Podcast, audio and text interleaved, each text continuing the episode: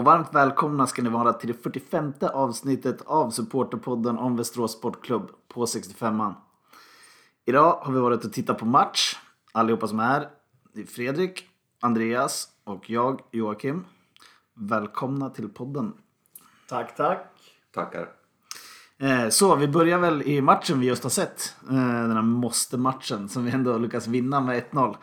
Satt ganska hårt inne, men... eh, Mm, vad tycker ni? Ja, det viktigaste var väl egentligen att vi vann. Så att vi köpte oss lite tid och lite poäng ner till eh, lagen under strecken.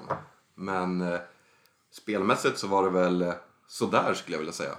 Det kanske var mest Askebrand som köpte sig tid. Eh, det allra bästa, förutom målet, som seriens sämsta målvakt eh, eh, får ta på sig. Det var väl att eh, störtskuren kom i halvtid när vi kunde ställa oss under tak vid ingången till ståplats. Och det var såklart underbart att vinna, men det var ju en för jävla dålig match igen, om man får säga det så. Ja, jag tycker att det är, det är, det är ganska så här seg match ändå, men det som är bra är ju att vi inte släpper till eh, speciellt mycket chanser. Alltså de, de har ju inte speciellt många chanser. Eller Det är ju det där friläget efter hörna som Kalle Svensson inte borde göra en sån försök till brytning som sista man. Eh, det är tur att Emil Skog eh, är hyfsat snabb och att eh, deras anfallare stannar upp. Men det är väl egentligen typ den enda chansen de skapar. Så, så det, det är väl bra på så sätt. Men vi, vi gödslar ju inte med chanser heller. Vi har ju chans nick i stolpen och sen, sen målet. Sen vet inte fasen om vi har så mycket mer överhuvudtaget. Mer än halvlägen. Det var ju absolut ett fall framåt jämfört med den katastrofala 3-2 förlusten borta. Men det är väl just det som är problemet. Att man, att man gläds är ju att utgångspunkten är ju underjordiskt dålig. Och idag var det inte underjordiskt dåligt. Ändå också lite intressant att se att målet kommer ju där i 60 minuten.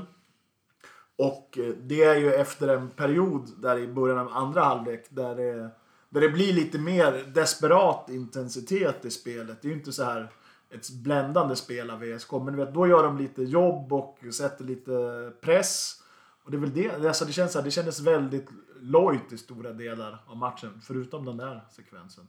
Ja, det är väl en av få gånger som eh, pressen något sånär funkar. Och det ser man ju direkt att dels när någon verkligen drar igång pressen men också att, att man får understöd och att, att en ensam person inte sätter press. Då har vi faktiskt möjlighet att kunna få motståndarlaget att tappa, och, tappa boll och sjabbla till det lite. Så att det, det är väl någonting som man skulle vilja se mer av. Att när vi väl försöker oss på att pressa motståndaren så gör vi det mer som ett lag och inte bara någon enskild spelare. För Dalkurd är ju inte bra heller.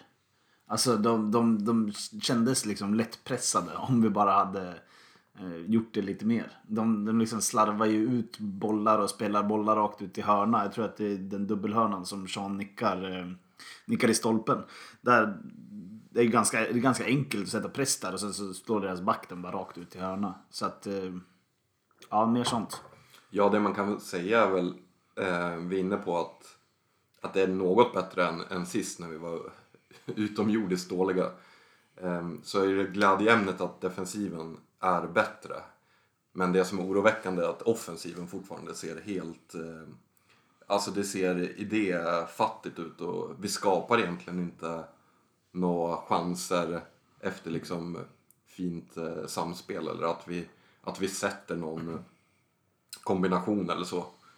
Utan det är enstaka tillfällen när vi får med oss bollen, de gör misstag. Eller att vi blixtrar till och får till någonting liksom. Det är då vi kan skapa, skapa något. Samtidigt så har vi gjort eh, 20 mål. och Jag tycker att det är inte det är inte fy skam liksom.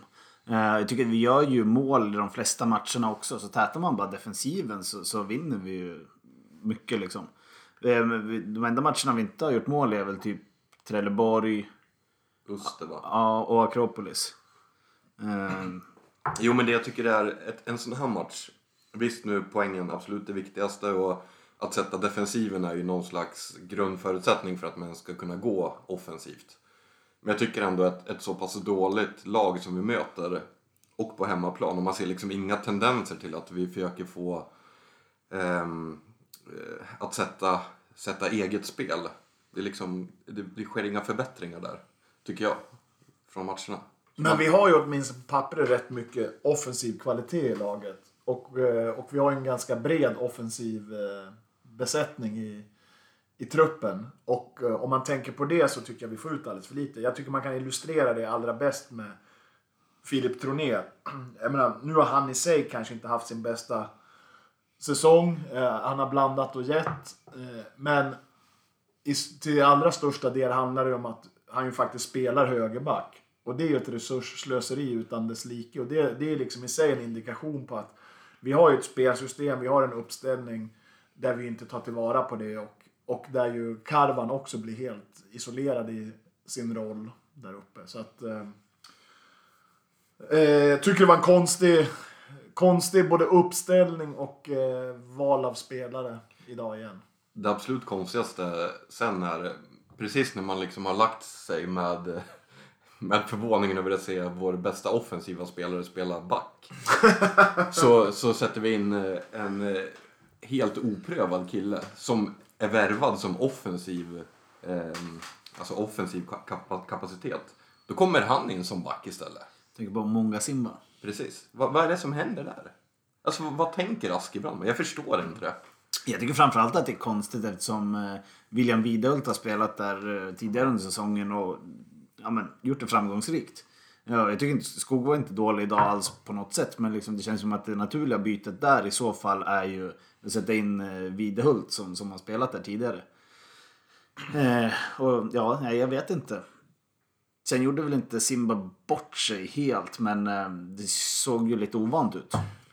Jo, men det gjorde han väl nästan ändå. Ja, men det gjorde han väl inte. Nej, men det var väl väldigt så här. Han såg ju väldigt vilsen ut i det defensiva positionsspelet.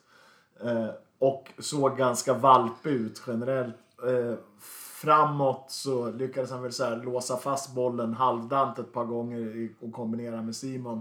Han lyckades eh, skyffla upp eh, ett dunderläge fan, över anslagstavlan. Alltså, eh, ju, man har ju förstått då i, i cyberrymden att eh, många vill se honom som en, som en startspelare. Det är ju, tycker jag, att ta ut saker och ting lite i men... förtid. Och om man, han får gärna komma in som en sån här frisk fläkt, men då på ett ställe där, där han inte har defensivt ansvar och gärna en lite kortare tid kvar.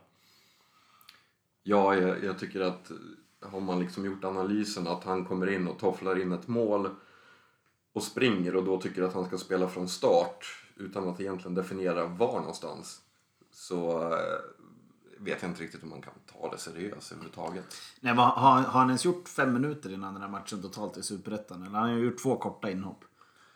Ja, jag tror, tror det.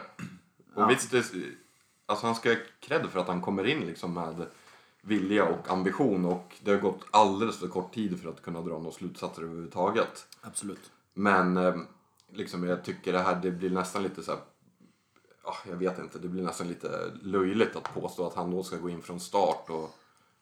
Det blir framförallt löjligt eftersom vi har ju vissa spelare i truppen som sen säsongens första tävlingsmatch har levererat så fort de har fått chansen. Och ändå inte liksom hamnar i startelvan när andra spelare underpresterar. Och nu tänker jag på, nu får vi, nu får vi bråka om hur han ska uttalas då, men jag tänker på Albin Sporong säger jag, ni säger ju Albin... Sporong? Ja. Oavsett om han nu heter Sporong eller Sporong så, så tycker jag från liksom AFC borta när han kom in på, eh, på en kant där och stängde den så har han ju inte gjort någon besviken när han har spelat. Han gör jobbet, han är ung, han tillför energi, han är fokuserad. Eh, det är för mig obegripligt att eh, han inte då liksom sätts... Han är ju mer naturlig wingback än till exempel Troné och så kan vi använda Troné längre fram i banan. Absolut, jag tyckte han gjorde ett bra inhopp idag igen. Jag, jag håller med. Det, han, han måste spela mer. Eh, och det är samma med, med liksom Kevin Kustovic. Tycker jag också har inte gjort bort sig. Han, eh, det är väl hård konkurrens på det centrala mittfältet men jag tycker också att han, man kan hitta mer speltid åt honom. Ja, detsamma får väl gälla Videhult. Där tycker jag det är lite lättare. Alltså att, att eh, jag menar, Kustovic har det där otacksamma att eh, kliva in på liksom kanske den både viktigaste och svåraste positionen. Då kan man förstå om man kanske så här safear och tar en mer erfaren spelare. Men jag tänker vad gäller... tycker att det Videhult har, har visat både energi och eh, ansvar. Och med tanke på att ju som central forward så har vi ju inte fått det att stämma riktigt med, med Karvan. Jag tycker att eh, han började bra under säsongen eh, när han väl fick spela efter att Dogges eh, chanser försvann. Så tycker jag att Karvan tog ett större jobb och sådär. Men idag tycker jag det var lite, var det för mycket alibi-löpningar och så tänker man också på att han ju inte bara brände en straff utan också fann ett öppet mål mot Dalkurd senast. Om man inte levererar då vi har alternativ, då tycker jag man måste rotera. Speciellt om vi tänker på att vi måste ju låta unga spelare som håller måttet få chansen. Eh, Både för att få ut det sportsligt men också att vi någon gång ska kunna sälja spelare. Mm. Men jag tänker, om jag tänker på förra matchen mot Dalkurd. Alltså, det, är, det är en dålig match. Vi gör, vi gör en dålig match. Men, men normalt, eh, liksom att sätta sina chanser, så hade vi ändå tagit tre poäng i Ja. den matchen. Eh, för Karvan ska bara sätta de där två. Och då har vi två mål till. Verkligen. Och vi måste säga en sak till då, ap- apropå den här förra Dalkurd-matchen. Nu hoppar vi lite fram och tillbaka, men det får ni leva med. Då gick ju faktiskt Askebrand ut och var jävligt förbannad, missnöjd eh, angående spelarnas engagemang. Och det fanns säkert fog att säga det, men det intressanta är att han har ju alla möjligheter att göra någonting åt det. Vi väntade ju väldigt länge med bytena i den matchen. Om man tycker att folk inte levererar, som man står liksom och gör med en hårtork i halvtid, då är ju faktiskt alternativet att gå liksom distansen ut och fan rotera. Ja, och nu när vi har fem byten också. Det är ju solklart. Det är ju bara, man måste ju liksom ta några byten där då. Annars så blir det ju på något sätt inte att man så här sätter tyngd bakom orden. För det ser ju likadant ut efter paus. Precis, man hade kunnat köpa det om spelarna hade kommit ut och liksom eh, tuggat fradga och liksom nu kör vi åt helvete här. Men det var ju inte nämnvärd skillnad och ändå väntar han till, vad var det, 65-70 minuten innan han gör byte och det är ju lite att underkänna sin egen eh, analys eller vad man ska säga. Eh, jag tycker det är direkt, direkt svagt led- ledarskap faktiskt. Vem var, vem var bäst på plan idag i VSK? Eh, jag tyckte att... Alltså, jag tycker att Hellgren gör en bra match igen. Eh, han gör mål eh, och han är stabil på mitten. Jag tycker att uh, Ribeiro också är bra. Jag tycker Troné nästan är bäst på plan. Jag tycker han var fan överallt. Och rensar bort bollar i, i ett eget straffområde och stod i vägen. Och... Ja, Jag tycker han var riktigt bra. det, det som är bäst med att han spelar högervinge är ju för att han är alltid lite förbannad redan från början eftersom han hatar att spela där. Så då blir, då blir han ju lite extra taggad tror jag. Sen får man väl också säga att Simon tog lite revansch från eh, tidigare när han har spelat. Jag tycker att han är, han är inte så bra som man har sett honom. Men eh, han är i alla fall ett litet steg framåt idag tycker jag. Tyckte det var rätt stor skillnad på första och andra halvlek där. Tyckte att i första halvlek så var det tyvärr långsamt och ganska otajmat. Eh, betydligt bättre i, i andra halvlek. Också nickskarven till Skog som ledde fram till, till målet och en del andra bra insatser. Men, men det är ju ingen riktigt bra match. Alltså jag förstår att eh, laget är glada över att vinna men om man kollar liksom på intervjuerna och kommentarerna efter matchen så... eh, Ja. Låter det väl lite bättre än vad det hela var. Och kollar man på highlightsen så är det ett försvinnande kort klipp. Och det säger ju också någonting om vad det var för typ av match. Vem tyckte du var bäst då? Ja... Eh, nej men jag tycker nog... Jag tycker att Troné gör det bra. Ribeiro är viktig. Ja men det är ju de ni har sagt. Jag vet inte om jag har... Tycker nog också att... Jag kan inte säga att Skog gör en jättebra match för han, det är ganska långa perioder när han inte alls är involverad. Men jag tycker att han är en spelare som idag ändå... Liksom, när han blir involverad så händer någonting och han, han hotar och eh, jag tycker han kom in med rätt mycket energi ändå. Men, men jag tycker inte vi gör en riktigt bra match. Så att... Nej, nej det tycker inte jag heller. Nej, vi, vi har ju... Nu är det ju det är lite svårt att se eller att få en överblick från våra platser vid betongmuren där. Men, eh, men alltså jag tycker att vi har ju extremt svårt att, att skapa någon, vad ska man säga, eh, något organiserat passningsspel på offensiv planhalva. Det blir lite att vi ser till att ligga rätt defensivt och sen hoppas vi att kunna anfalla kvickt och få ut, få ut bollen på en kant. Och... Fast vi anfaller ju inte kvickt. Nej, Alltså, men vi hoppas, hoppas, hoppas på det. Ja, men det tar ju otroligt lång tid nästan jämt. Ja, det gör det. Jo. Och, och väldigt påfallande ofta så slutar det nu med att Anton liksom vinkar upp laget och så slår vi liksom en, eh, en boll på chans. Ja, det är väl det man skulle, man skulle vilja, väl i alla fall vilja se tendenser på att vi försöker, eh, försöker ha ett eget spel. Eller man ska säga. Vad var det, de, eh, vad var det han sa, Dalkurd-spelaren som intervjuas? VSK är ett andra bollslag. Ja, och, dessutom sa han att de faller in i liksom vårt långbollsspel. Eh, på något sätt. Eh, och det kanske ligger något i det. Men jag vet inte om det är så vi vill spela eller om det är så liksom vi, vi bör spela. Jag vet inte, det känns inte som att eh, vi har liksom de så här, spelarna eh, att slå långt på. Visst man kan slå på Filip liksom bakom backlinjen men han har ju alldeles för låg ut på utgångsposition så att det ska ge någonting. Han liksom hinner ju inte upp dit när han är där bakom, bak nu. Så nej, jag vet inte. Jag tycker också det är ett problem, vi var inne på Karvans insats idag, att eh, han kanske inte gjorde så jättemånga glad.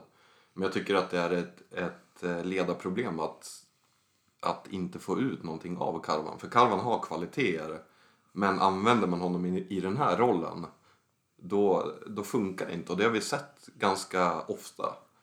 Jag förstår inte varför man inte gör ett, något, något slags skifte där man kanske har en mer djupled, djupled stark forward och sen kan Karvan ligga lite bakom och fördela boll som kommer från mittfältet. För jag tror att hans kvaliteter passar sig mycket mer där. Annars är det bara att sätta på bänken för att som ensam anfallare så, så håller det inte tycker jag. Nej. Vad, vad tycker ni om Traorés inhopp då?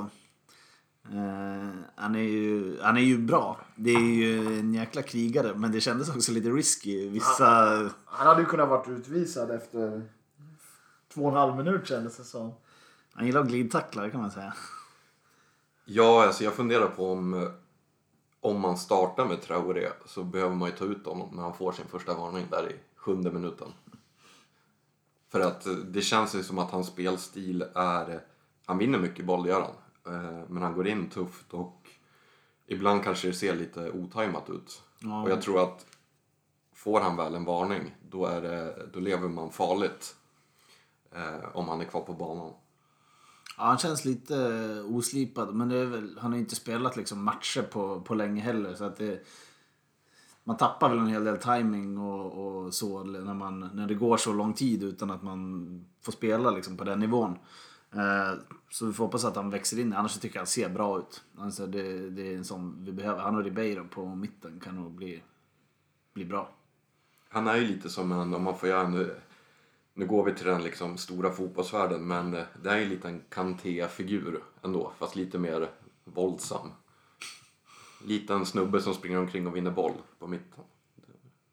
Det kan vi ju behöva, det kan vi. Har vi sagt allt vi vill säga om den här matchen nu kanske eller? Det har vi väl och vi kan väl säga att om vi missar något eh, så skyddar vi allting på att man måste titta igenom tre nät där vi står. Ja, i alla fall ibland när de spelar bakom målet. Eller genom målet. Ja men det är ju, det är ju första, nä det är första nätet och vad fan är, varför är det tre nät förresten? Det är ju ett nät vid betongmuren, sen så är det ett bollnät och sen är det målet. Sen är det målet och då blir det jobbigt. Eh, riv näten, släpp oss fria. Precis. Ehm, vi är ju inne i en väldigt eh, här, viktig eh, period nu. Vi har spelat några måste-matcher, eller vad man ska kalla dem. Dels om en Trelleborg, Umeå och Dalkurd innan. Sen hade vi J Södra däremellan. Eh, och sen nu framöver så har vi också några måste-matcher. Norrby borta, AFC hemma och sen Gais borta. Det är ju det är en otroligt avgörande del av säsongen nu. Eh, vinner vi ett par till matcher här nu på rad, som vi aldrig kan göra, men om vi, om vi skulle göra det, då ser det ju bra ut. Då har vi hängt på toppen igen. Ja, det vet jag inte. Men samtidigt så om vi, om vi börjar förlora, om vi börjar förlora några matcher här så, så liksom, då kommer vi förmodligen ligga under kanske både ett och två streck. Liksom. Eh, Norrby har vi ju haft väldigt svårt för här. Norrby har vi generellt svårt för eh, jämt. Jag tror inte vi har vunnit borta mot Norrby någonsin. Vi har väl generellt svårt mot eh, poänglösa lag utan liksom supporterföljen. Alltså jag tänker Norrby, Akropolis. Vi vinner ju inte de där matcherna. Nej men Norrby har ju, varit, äh, har ju varit sånt här lag som ju spelar väldigt... Äh, man kan ju kalla det cyniskt eller smart och väldigt rakt efter sina resurser och vi några säsonger har varit lite så här possession-naiva. Vi har varit jävligt lätta att äta upp för dem. Uh, nu vet jag, i, i, år vet jag inte riktigt hur vi spelar. Det är väl ingen som riktigt har begripit. Nej. Uh, så det blir vi, väl förmodligen stryk. Vi, be, vi behöver väl på de här kommande tre matcherna då så behöver vi väl minst fem poäng skulle jag säga för att man ska vara nöjd. Eller vad tycker ni? Ja, det är en vinst och två oavgjorda.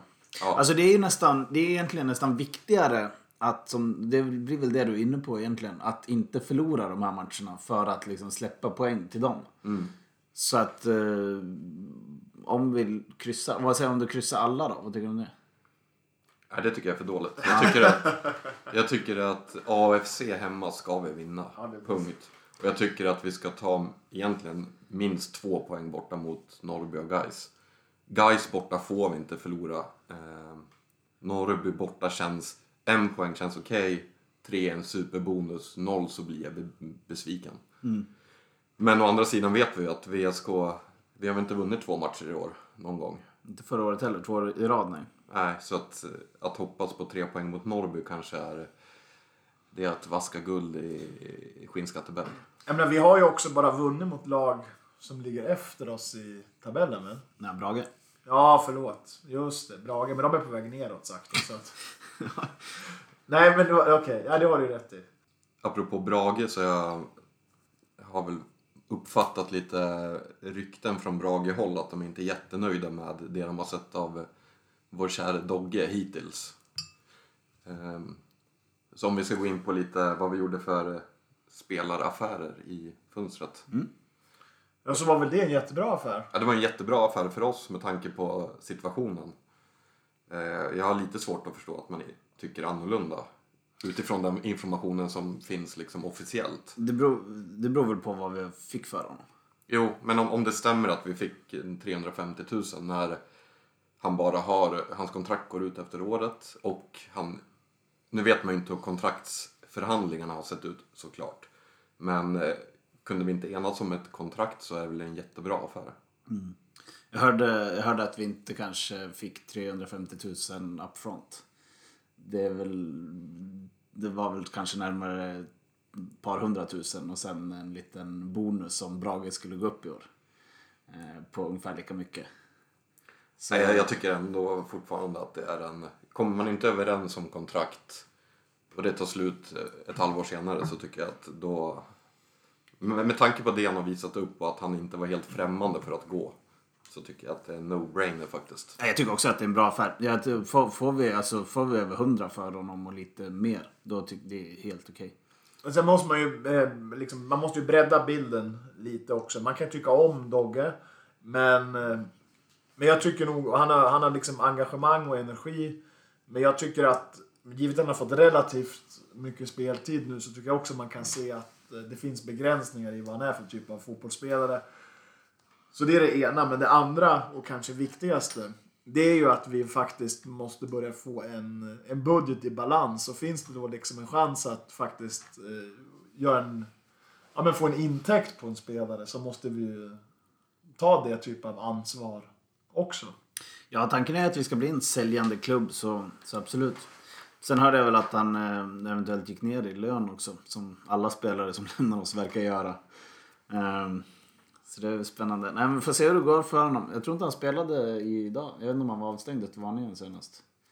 Ja, kan nog ha varit så. Tror ni att Avad gick ner i lön också? Ja, ah, det är väl tveksamt. Men... Um, ja, den, det... den affären finns ju ganska mycket att säga om tycker jag. Just eh, på något sätt så underkänner ju ska man säga, den sportsliga ledningen sin egen, sin egen transferfilosofi. Man eh, tog in Avad som var ett väldigt vad ska man säga, välrenommerat nyförvärv och som bevisligen har väldigt stora kvaliteter. Men eh, man lyckas inte alls få in honom i vårt sätt att spela fotboll. Och man skeppar iväg honom efter ett halvår. Eh, jag har svårt att dra någon annan slutsats än att det, liksom, det, det är dåligt. Mm. Och framförallt om vi inte får några pengar för honom som det sägs. Det låter ju också bara märkligt. Jag förstår inte hur eller varför vi släpper honom om vi inte får betalt. Det kan väl ha med ekonomiska bitar att göra. Att han sitter på en av kanske till och med truppens eh, högsta lön. Och att ny styrelse har beslutat sig för att ta det här med ekonomi på allvar. Eh, så jag ser inte, egentligen så finns det väl en logik i det. Men jag tycker fortfarande att det är lite, man har byggt upp någon slags eh, transferfilosofi och sen eh, så slänger man den under bussen så fort, att, så fort det inte funkar sportsligt. Men samtidigt så, min, min känsla att Avad var en sån här värvning som dök upp fem i tolv också. När vi plockade in honom. Eller? Nja, det vet jag inte. Jag tror vi har haft koll på honom tidigare. Men eh, jag tror att vi till och med haft koll på honom i tidigare, alltså tidigare fönster och tidigare år. Sen om det löste sig eh, kvickt nu, liksom det här fönstret, men eh, det vet jag inte. Men eh, jag tror nog att det är en spelare som vi har haft koll på tidigare och försökt få till klubben tidigare också, vad jag hörde. Det ska i alla fall bli intressant att se eh, hur det går för honom i, i Östersund. För att vi har ju ändå det här problemet att ja, man kan ju skönja ett mönster. Att vi har haft spelare hos oss som vi inte har förmått förvalta och eh, få ut potentialen av. Petar Petrovic. Ja, men man kan säga det kan ju vara liksom en, e- ett enskilt exempel, men nu ligger det nära till hands. Men eh, vi har ju varit inne på det här ett par gånger förut, att det är väldigt länge sedan en spelare blev eh, märkbart mycket bättre av att vara i VSK. Mm. Ja, det är nästan som att vi liksom...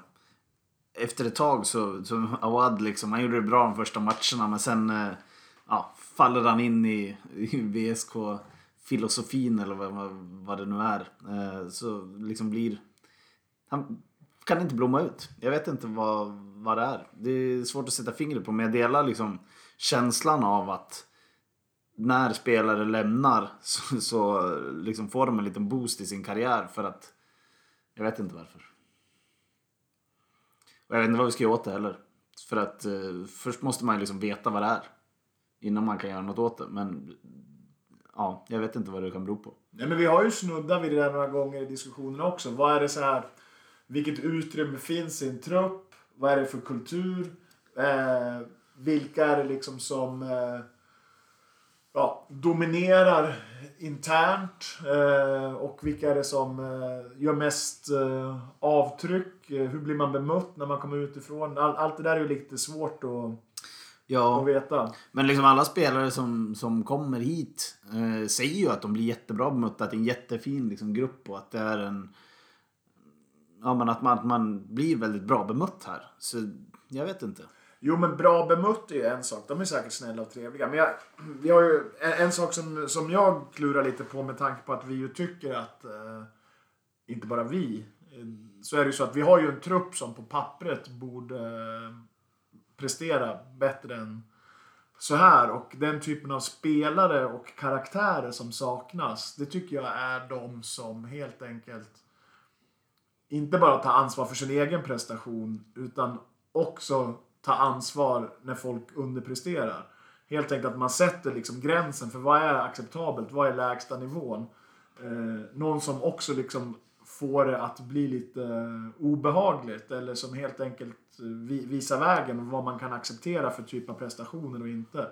Och den typen av spelare som, som förmår lyfta fler än sig själva, det tycker jag vi saknar.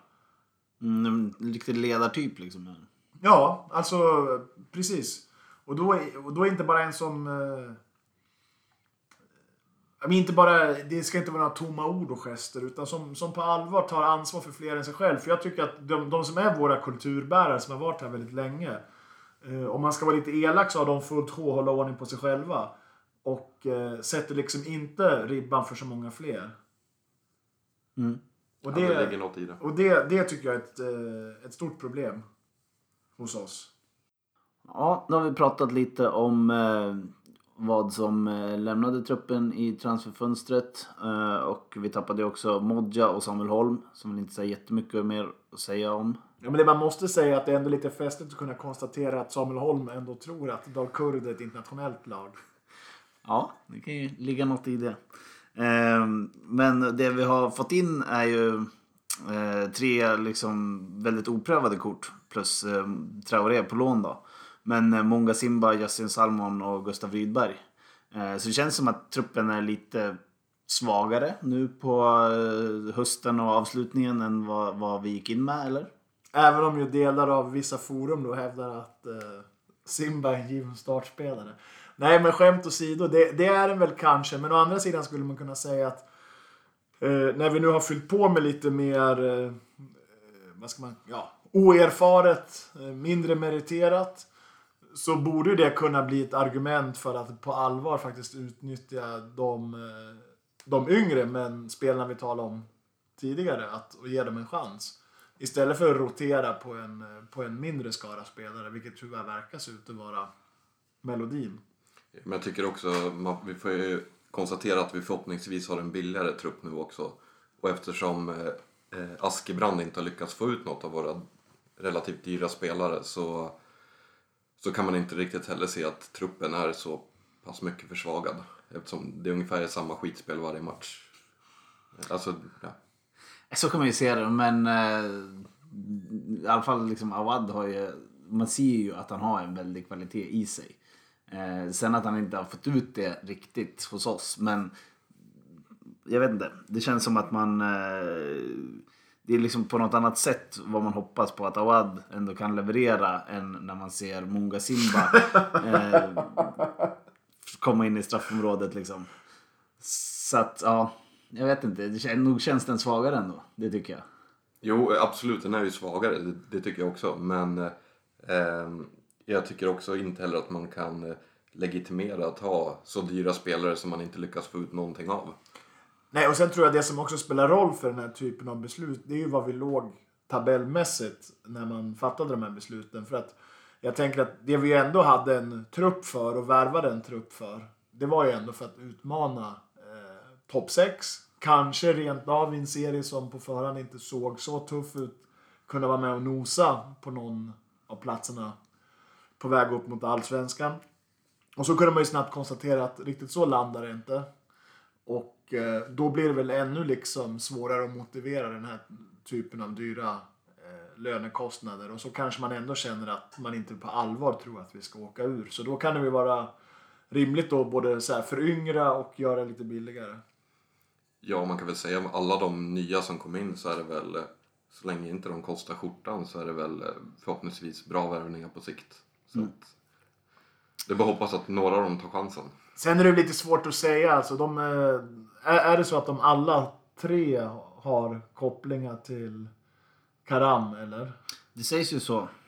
Så vi pratar någonting om eh, Kian Karam. Ja, men man kan väl bara säga att... Eh, fan, man, man blir ju man, lite varningsklockor eh, utifrån vems agenda det är som avgör vilka spelare som hamnar hos oss.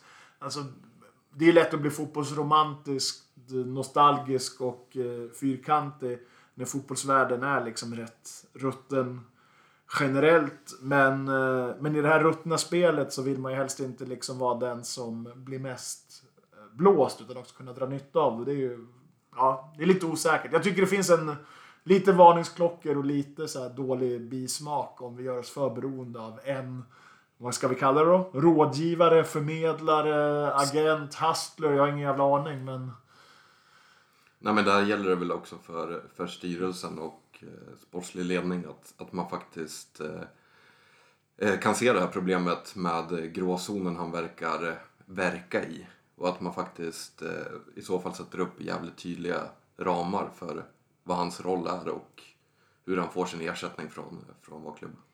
Ja, och så känns det ju, men det som också bidrar till det här det är ju att det här pratade vi om när Askebrand dök upp som aktuellt tränarnamn. Att, eh, han har ju figurerat i liksom de här diskussionerna tidigare och pekats ut som en som ja, jobbar väldigt nära eh, Karam. Mm. Sen är det en sån sak, tror ni att det är en slump att liksom Munga Simba verkar gå före Videhult på vänstervingen nu? Jag vet inte vad Videhult har för agentkopplingar till någon. Jag tyckte det känns lite som att Monga Simba på vänsterkanten idag var nästan ett populistiskt val. Liksom. Han måste få spela för att han har visat, eh, visat stundtals goda ambitioner och tendenser. Och då slänger Askebrand in honom på den lediga platsen som finns, eller vad man ska säga. Eh, jävligt... Men du förutsätter att han läser samma Facebook-forum som Ja. vi gör? Det tror jag att han gör. Man har ju sett honom varit inne och stökat lite på Instagram och, och så. Jag vet inte, men, men jag vet, det, ja, det känns så här att eh, jag tycker det är... Jag tycker det vore tjänstefel att inte försöka få ut max av en sån spelare som Videhult. Som ju rent allmänt liksom pekas ut som en av de eh, ja, men, större talangerna vi har haft på länge och som ju ändå liksom konsekvent tas ut till eh, landslag i sin åldersklass som ju absolut inte har gjort bort sig när han här spelat utan tvärt, tvärtom. Så att eh, jag hoppas, jag, jag skulle ju spela Videhult alla dagar i veckan före många Simba. Det konstiga är ju också med Videhult som är en, eh, en anfallare. Han, han får komma in i laget och gör det bra som vänsterback. Men han får inga chanser som på sin riktiga position trots att vi onekligen i många matcher haft ett problem. Just att skapa framåt och få, få djupledslöpningar in bakom motståndarens backlinje. Och även vinna nickdueller. Ehm, det tycker jag är lite knepigt, knepigt eh, eh, från eh, tränarstaben. Det är mycket som är knepigt. Var det inte så att vi sa att när, när den här lilla det här tidningsankarryktet om eh, att Askebrand skulle bli ny sportchef i, IFK Göteborg. Att vi, vi sa att om, om vi lyckas skeppa Askebrand till Göteborg så är det ett, ett perfekt fönster. Nej, så är det. Vi ska inte brodera ut och fastna i några sådana trupper eh, och spelar startelva diskussioner igen kanske. Det känns som att vi har avhandlat det lite. Vi kan väl bara uppmana klubben att vara jävligt försiktiga framöver med eh, sin eh, liksom, koppling till eh, en specifik agent. Eh, Ja, och det finns ju en aspekt till i det där. För att här, här, eh, om det, nu, det här upplägget är ju så att vi betalar ju någon slags förmedlings eller scouting eh, arvode. Och eh, om man väljer den vägen, då kan man lite elakt fråga sig om man samtidigt då ska ha liksom en eh, anställd eh, sportchef. Alltså det borde ju ingå i det, det jobbet. Så att jag tycker vi får fan klura på hur vi lägger pengarna. Vi får följa utvecklingen av det här tycker jag. det, det låter som en bra plan. Skjutjärnsjournalisterna. Nej men, eh, ja, håll, håll koll på det där. Och eh, så ser vi fram emot eh, ta första eh, två, två match, två se, vad fan heter det? Kaffe, kaka, andra raka. Ja, något sånt. Ja. Det ser vi fram emot. Vi kan väl också säga att det går ju faktiskt eh, bra på hemmamatcherna att ta en stege och komma ner till eh, Rocklunda och, och heja och skrika lite på, på laget. Det finns gott om plats fortfarande. Det gör det och det är väldigt trevligt och ehm, härligt att se lite grönvita ansikten. Ja, och eh, då säger vi väl som vi brukar säga då. Kan man också säga på en stege. Eller Europa. Heja sport.